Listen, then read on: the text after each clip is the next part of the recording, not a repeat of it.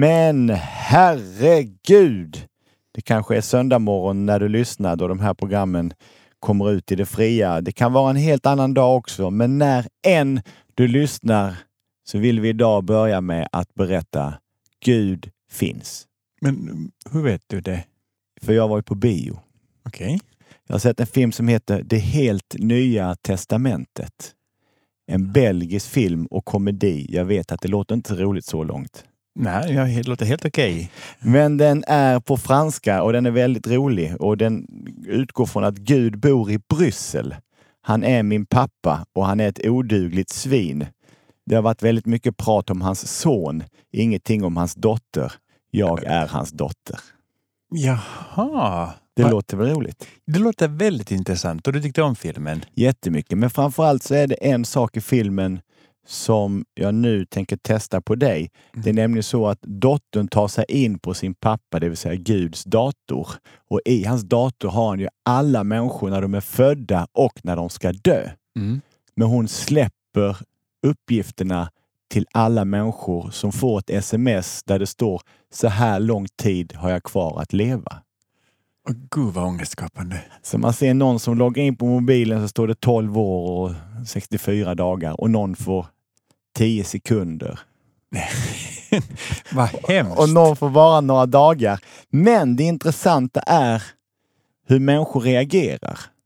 Så mm. min första fråga till dig är om du skulle få ett slutdatum på ditt liv, mm. skulle du då förändra ditt liv? Då måste jag, det, det, var en svår fråga.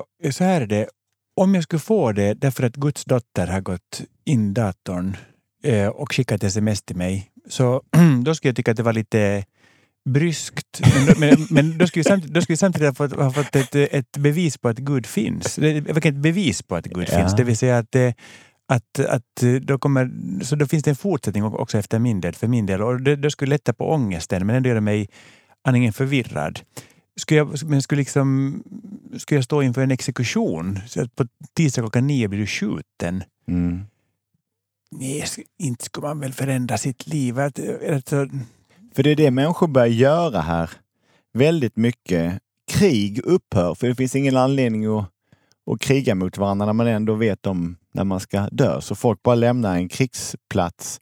Någon börjar bygga Titanic i tändstickor och någon börjar spela ett eh, konstigt instrument och någon lämnar sin, sin respektive. Nej, nej, men så här, om jag skulle få ett sms där det står att du har 12 år och fyra månader kvar att leva.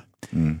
Då skulle jag göra vissa saker. Jag skulle dels göra mig av med klocka och kalender eftersom då skulle, jag, då, då skulle jag vilja stiga ut ur liksom den timliga tiden och bara försöka gå in i ett i ett nu.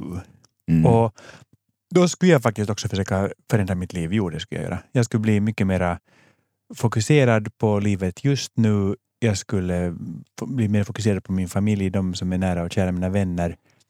Och eh, jag skulle försöka bli en lite bättre människa än vad jag är. Jag skulle inte liksom vara samma slashas som alltid Du skulle ta tillvara på livet? Det tror jag skulle göra, ja. Men, men, vad, vad men, men, men, men, du då? Skulle du förändra ditt liv? Alltså, om, ponera, du får ett sms där det står att du har, du har 32 år och fyra månader och 26 dagar. Hur påverkar det här dig, Henrik?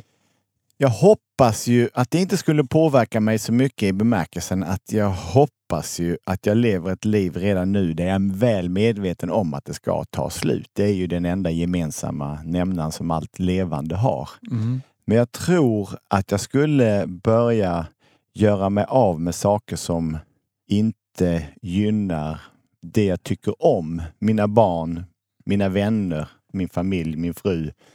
Skulle du göra dig av med? Nej, jag skulle göra mig med saker som inte gynnar dem. Jag, jag, då, då, då, då, jag, jag blir jättelättad. jag skulle bara, du tror att jag bara skulle ägna mig åt förutsättningslösa möten, ja, ja. gå på kalas som det kan vara bra för dig. Mm, mm. Fast det, det som är intressant är att, att det här sms finns ju. Men inte, inte i form av sms, men, men min mormor sa alltid att när du föddes så stod klockslag och datum för din födsel och din död i Guds hjärta. Mm. Så, så även om det inte finns som ett sms så finns det ändå någonstans bevarat ett datum som är just mitt dödsdatum. Och det är inte speciellt ångestskapande för mig, men däremot så vill jag nog inte veta i förväg när detta ska ske. Och, Nej, för det är väl det som är hela skillnaden. Mm, så är det. Det som är så hemskt trevligt, vi som jobbar inom långvården, vi vet ju att döden är en fysisk realitet. Det vill säga att eh, liksom när vi föds och kroppen kommer, igång så har kroppen också inprogrammerat i sig hur det går till när vi dör. Det vill säga att kroppen stänger av organ efter organ och liksom börjar med fötter och händer. Man, vi kallar, man får lite blåaktig ton och det vet man nu ett par timmar kvar. Liksom. Men, men medan detta pågår så brukar människan hamna i ett läge som inte är riktigt medvetet längre. Nej. Att, att, att, att det finns en slags barmhärtighet eller en slags Guds hand över, över döden. Det, som gör att, att, att, man, att det, är, det är hopplöst att veta hur folk upp, uppfattar det. Men, men de verkar vara ganska lugna. De ligger där och sover. Liksom. Kanske finns, som vi säger i DJ-sammanhang, en, en mjuk mix mellan livet och döden. Det kanske inte går en det, det, så tydlig linje. Just som vi brukar säga mellan oss DJs, så, så, så, så, så mixar nog Gud det där ganska snyggt för det mesta. Ja. Det, det, det, jag då inte skulle vilja råka ut för det är att man liksom i Göteborg tar ett steg ut över spårvagnsbanan och så tänker man aj nu var det nog fel tajmat där. Det, det blir en sista tanke i livet för sen så... Sen får du åka genom hela Avenyn längst fram på en spårvagn.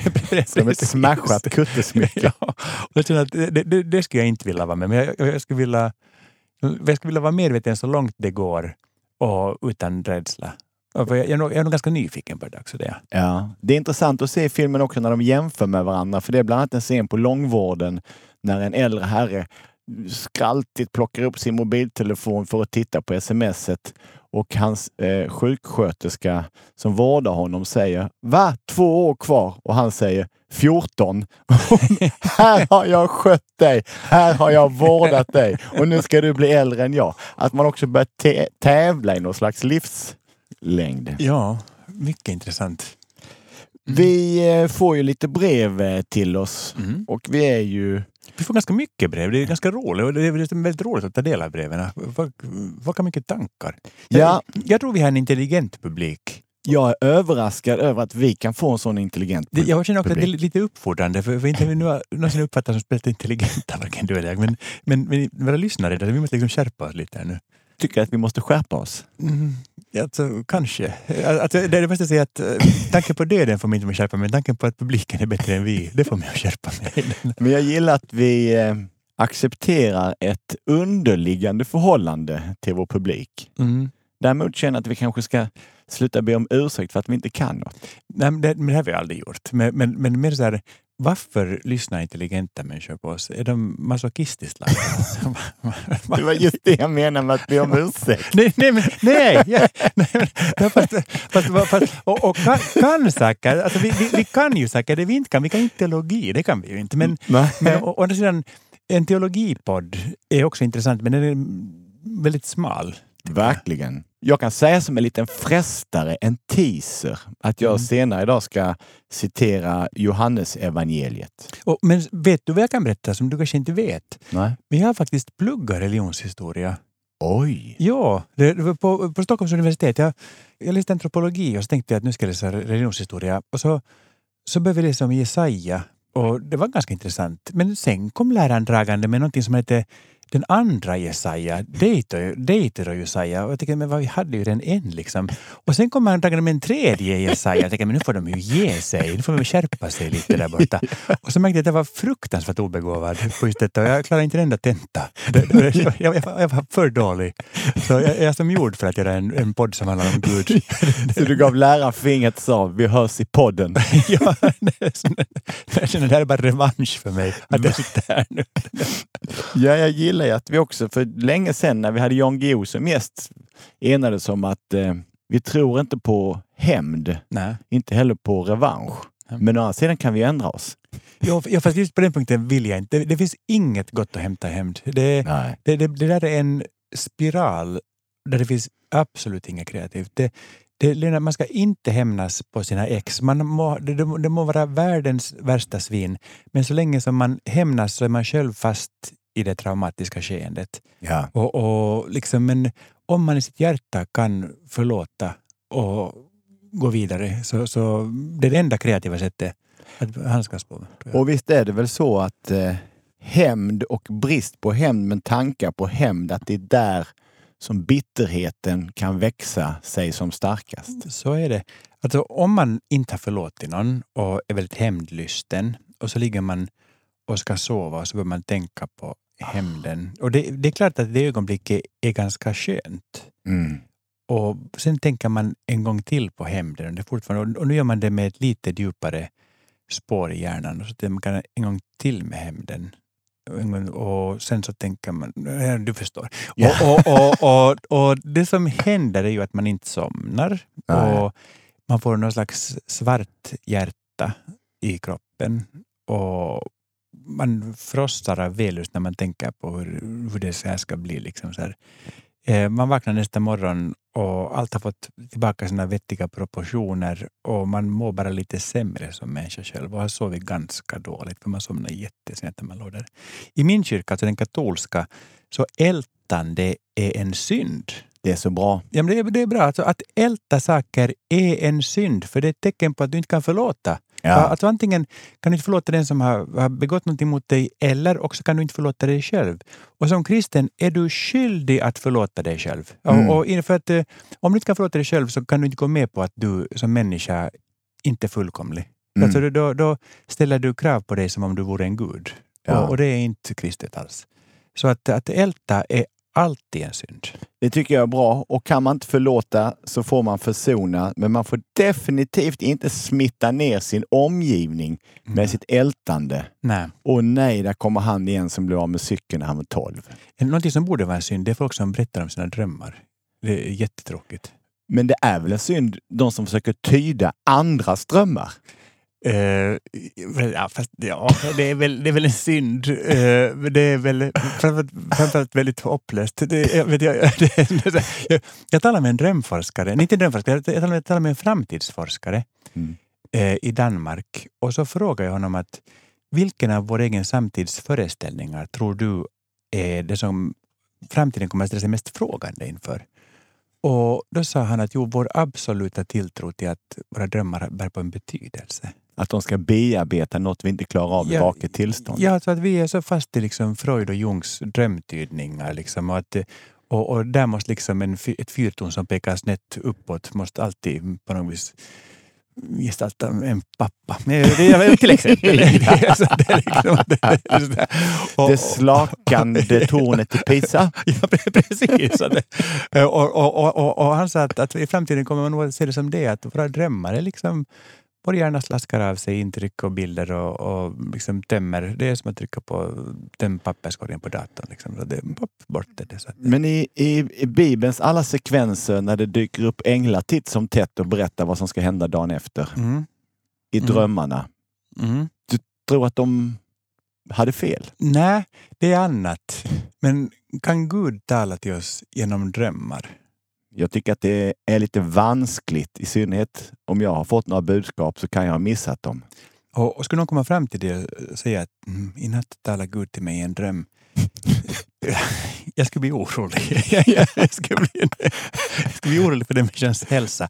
Men Men jag samtidigt, springer naken över stan och skriker olika bibelord för att jag har fått det i, tillsagt i drömmen. Skulle du bli orolig då? jag skulle bli, jag skulle tänka, Henrik nu ska vi åka till hälsogården Tallmohemmet och, och, och eh, och söpa in oss i müsli. Eh, våtvarma, båt, senapsomslag. ska vi söpa in i. Men, men, men fast jo, fast, fast vi ska inte alls avfärda, det här var mycket spännande. Vi ska inte avfärda Guds möjlighet att tala till oss, för ibland händer det ju att man somnar med en oro eller en obesvarad fråga eller ett dilemma. Och så Mm. vaknar man på morgonen och är alldeles lugn och vet. Ja. Och då kanske det har kommit en ängel eller Gud har ju fixat till den lite. Det tror jag på. Mm. Att man reder ut saker. Man Mm. skingrar. För när vi släpper vår mänskliga, ganska snäva hjärna och går in i natten och sömnen och liksom, då ramlar murar och då jag det är lättare för Gud att gå in i maskinrummet på oss och liksom rätta till saker. Vi kan väl säga att vi här och nu genomgick någon slags förändring så att ifall någon rakt ställer en fråga till oss och vill ha ett tydligt svar. Tror ni på drömmar? Då svarar vi bestämt Det beror på. Mm, precis, precis. Det beror på är vårt, är vårt otvetydiga svar. Vi, vi, vi nämnde den vuxna bibeln innan och Mm. ska då säga att vi avslutar ju alla våra program med högläsning ur Bibel för barn, Mm. vilket eh, snart finns även som ljudbok och det är Mark och jag som har läst in det och det är eh, förlaget Verbum som ger ut den och de är även med och stöttar oss så att vi kan få hålla denna podd så levande och himmelsk. Jaha, vad fint. För Det, var, det lät nästan inte som reklam det där, utan det, det, det, det lät nästan som... Fast vi är glada över stödet, det är vi faktiskt. Ja, det är vi verkligen. Minns du att vi lyssnade på Gösta Lindholm för några avsnitt sedan? Mm. Ja, det, man borde alltid lyssna på Gösta. Vi diskuterade ju då vad den här låten innebär. Det Mm. brinner i en soluppgång och jag trodde att det var återse någon slags äldre vän. Och du har fästat väldigt mycket vid hans namn. Mm. Men du tycker också om låten. Jag tycker det är en väldigt fin låt, ja. Och vi mejlade Gösta Lindholm för att få svar vad han tyckte att det handlade om. Mm. Och så här svarar han. Tack för mejl. Jag är morgonmänniska och upplever varje morgon som en gåva. Den brinnande solen som ger oss en dag till i våra liv. Jag föddes mitt i sommarsol i juli månad och kanske är det just det som gör att jag ofta skriver om min längtan till ljus när morgonen gryr. Och sen pratar vi också om huruvida man kunde göra en ande ren. Och det svarar han också på. Kom gör min ande ren betyder för mig att bli mer vidsynt, fördomsfri och att öppna sitt sinne. Även så en förlåtelse för gjorda misstag i livet. Hälsningar Gösta Linderholm. Hälsa till Mark och tacka honom för alla fina program. Vilken fin människa han är. Nu, nu, nu, nu ska jag kanske döpa min son till Gösta i alla fall, känner jag. Men, men, men det här är spännande med soluppgångar och gör min ande ren. Jag har varit ganska mycket i Egypten av olika anledningar och um, där är ju tordyveln väldigt central. Liksom den faktiskt är i stor del av, av, Afrika. Och tordyveln, eller dyngbagge som den också kallas, den går alltså, den går, den går alltså in i avföring, ska vi vi kan säga gnu, eh, så, för att bli lite mer exotiskt. Eh, och, och den går in och börjar bearbeta denna hög med avföring och skapar en alldeles perfekt rund boll av det. Mhm. Och, och, i någon, och dens fru brukar liksom klamra fast vid den här större större bollen och lägga ägg i den medan, medan han arbetar med den här bollen. Denna boll som består av liksom gårdagens avföring blir alldeles rund och går upp som den nya solen nästa dag. Oh. Och, och, och det här var väldigt centralt i, i deras mytologi, liksom, att, att, att varje dag är ren och ny, Mm. och, men, men bär med sig den förra dagens rester. Liksom. Eller, eller, eller skapat av den förra dagens rester. Och det är väldigt vackert. Och, och, så kanske är Gösta en sann egyptier. Det är exakt kanske det han är. Och intressant är ju att jag har ju lovat honom att skicka det här programmet till honom så att han kommer kanske fånga upp Då borde vi kanske ge honom mellannamnet Ra. Gösta Ra. solgud två bokstäver. Precis. Ra. Precis. Jo, men jag, jag är också född i juli och eh, det är väldigt trevligt. Jag är den 10 juli och det är så himla roligt för det är precis när alla rosorna kommer och alla jordgubbar är mogna. Ja. Så, så jag vill lägga till, till detta ljus vill jag lägga till jordgubbar för det är för mig julets stora symbol. Och att juli fortfarande är väl den största sommarmånaden. Man diskuterar ju huruvida sommaren bör komma senare på året än vad det Mm. var tidigare. Detta samtidigt som vi har alldeles för varma vintrar. Men nu ska jag inte få in Gud med skohorn här, men om du sätter tänderna i en saftig, alldeles nyplockad jordgubbe Mm. och du känner den lilla syran och sen den sötman som kommer strax efteråt och bara sveper iväg hela ditt, din gom. Ehm, det är en av de få gånger som jag kan uppleva att eh, det finns en gudomlighet i mat. Mm. Men jag tycker absolut inte man ska, du ska be om ursäkt för att vi försöker knö in Gud med skohorn. För att jag börjar märka en tendens i vårt samhälle. Jag såg en affisch för eh, komikern Marika Karlsson som har en föreställning som heter Jag är Gud. Mm. Och även eh, Titiyo som är en av våra favoritartister sjunger i en låt Jag är kött jag är Gud. Mm. Det är en låt som för övrigt heter Mm. 13 procent som anspelar på Sverigedemokraternas valresultat. Men, men vad då jag är kött, jag är Gud? Mm. Gud har väl blivit kött bara en gång och det var genom Jesus. Är det här då andra gången? Är det Guds dotter som är tillbaka här nu? igen? Nej, Guds dotter var ju i filmen som vi tittade på Jo, i jo, början. men jag menar, det, det, börjar gå som ett tema genom det här programmet. Att, eh, för, för det måste ju tio också vara. Men eftersom det ändå tar upp ämnet så kan jag ju säga att i, eh, i eh, nu tänker jag för länge här för man ska tro att jag kunde det redan innan. Vi pratar om Johannes evangeliet Mm. Eh, kapitel 1, vers 1 till 3. Mm, det, åh, jag älskar det. I begynnelsen var ordet och ordet var hos Gud och ordet var Gud. Han var i begynnelsen hos Gud. Genom honom har allt blivit till och utan honom har inget blivit till som är till. Vi hoppar lite. Här kommer nu svaret. Johannes första vers 14. Och ordet blev kött, Mm. antog mänsklig gestalt och bodde bland oss. Och, och ordet blev kött. Ja. Det måste ju betyda när Jesus blev människa, att Gud, Gud tog en mänsklig gestalt. Exakt. Men det står ju nog att ordet blev kött det, är det ska vi då inte ifrågasätta. Lite där drar vi gränsen ungefär för vad vi ger oss på, Ja. eller? Men, men jag bara tänker så att eh, upplever du att ditt kött är ditt jag? Nej, jag upplever att själen är mitt jag. Precis, för om, om jag ta- ta, i- knack, knack, ta i trä, men om jag skulle tappa en arm till exempel, om det skulle, om det skulle amputera en arm av mig, då skulle jag väga typ kanske fyra kilo mindre. för Jag är ganska muskulös överarm. Men det, det var inte det handlade om, jag skulle bara säga det. Men, men, men, men, men jag skulle ändå väga kanske sex kilo mindre. Men, men, men, eh, men jag skulle ju inte förändras som människa då va? Nej, jag tycker inte det. Inte på grund av att det har minskat i antal lemmar. Precis, så det betyder att, att kroppen och köttet är det verktyg jag har fått. Men inne i det så är det ju ändå själen som programmerar vad verktyget ska göra. Och samtidigt har vi många gånger varit inne på att förhoppningen med att lämna detta jordelivet är ju att bli fri Från- sin kropp.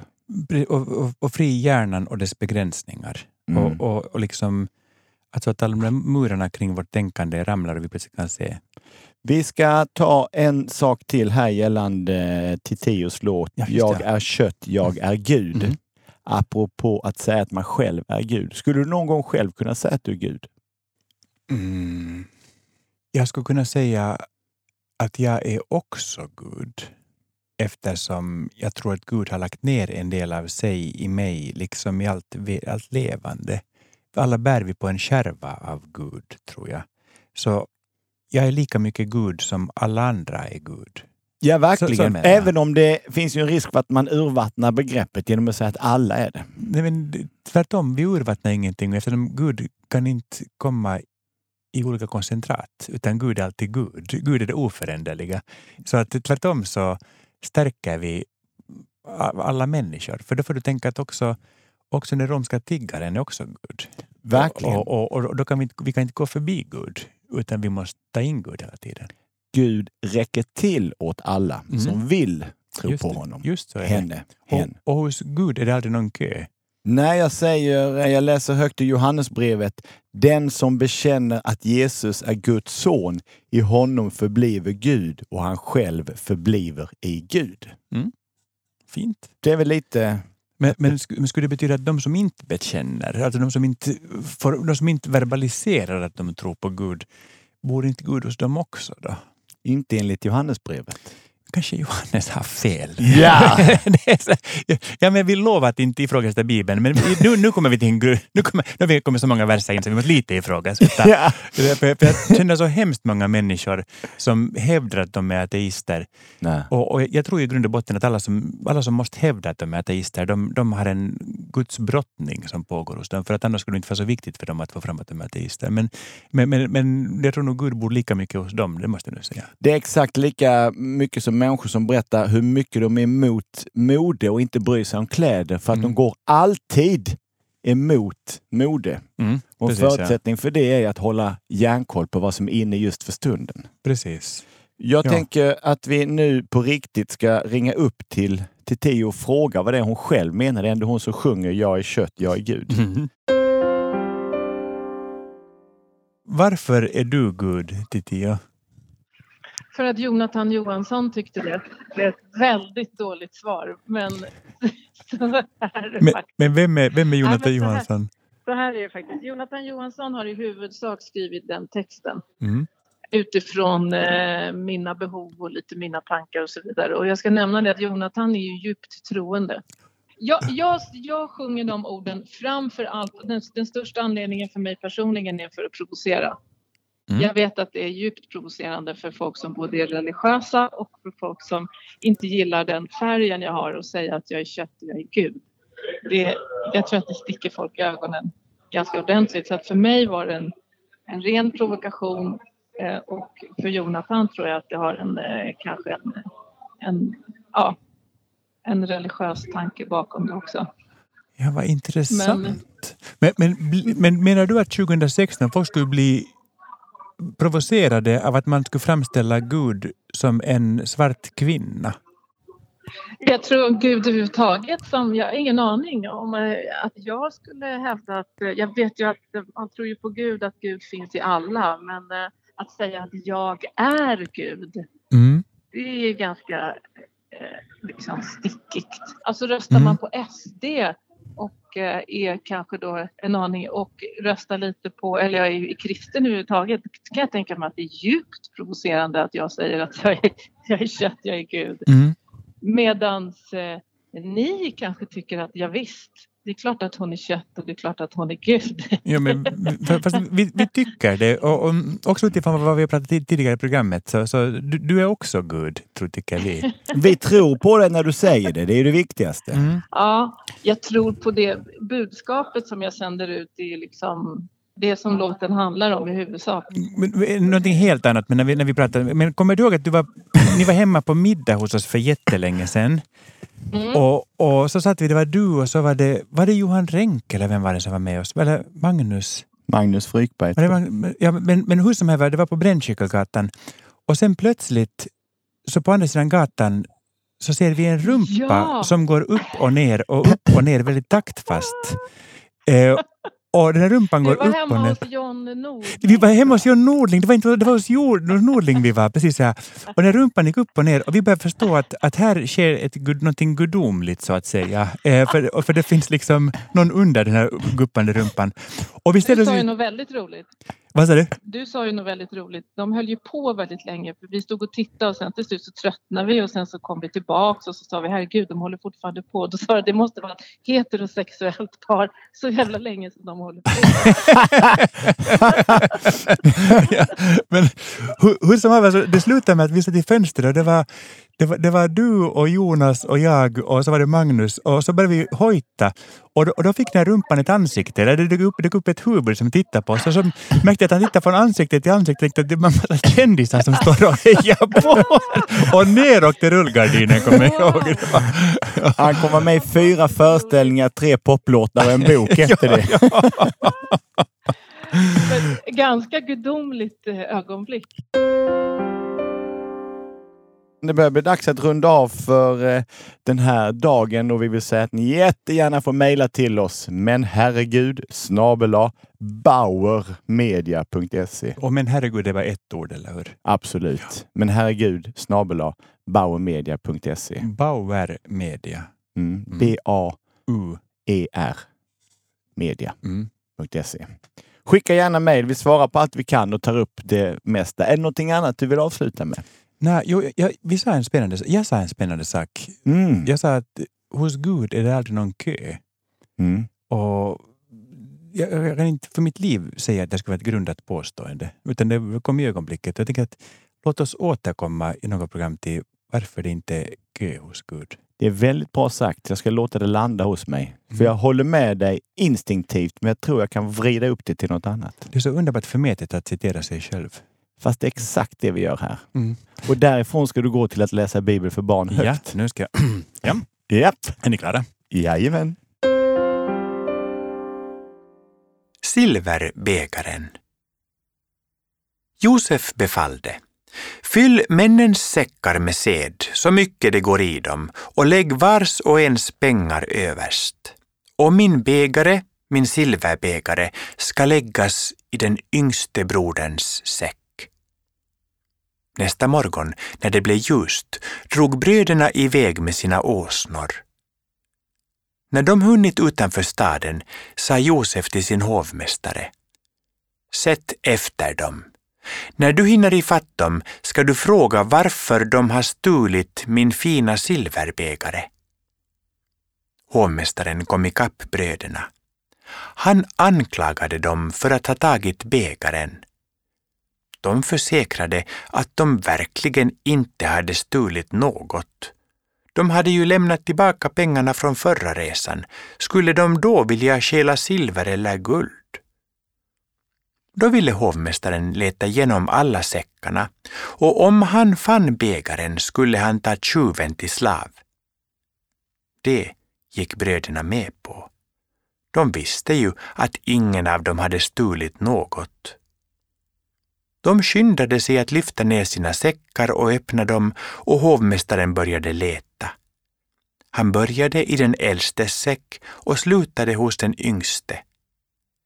Och silverbägaren, den fann han hos Benjamin, den yngste. Bröderna blev alldeles förtvivlade. De lastade sina åsnor och vände tillbaka till staden. De gick in till Josef och visste inte vad de skulle säga.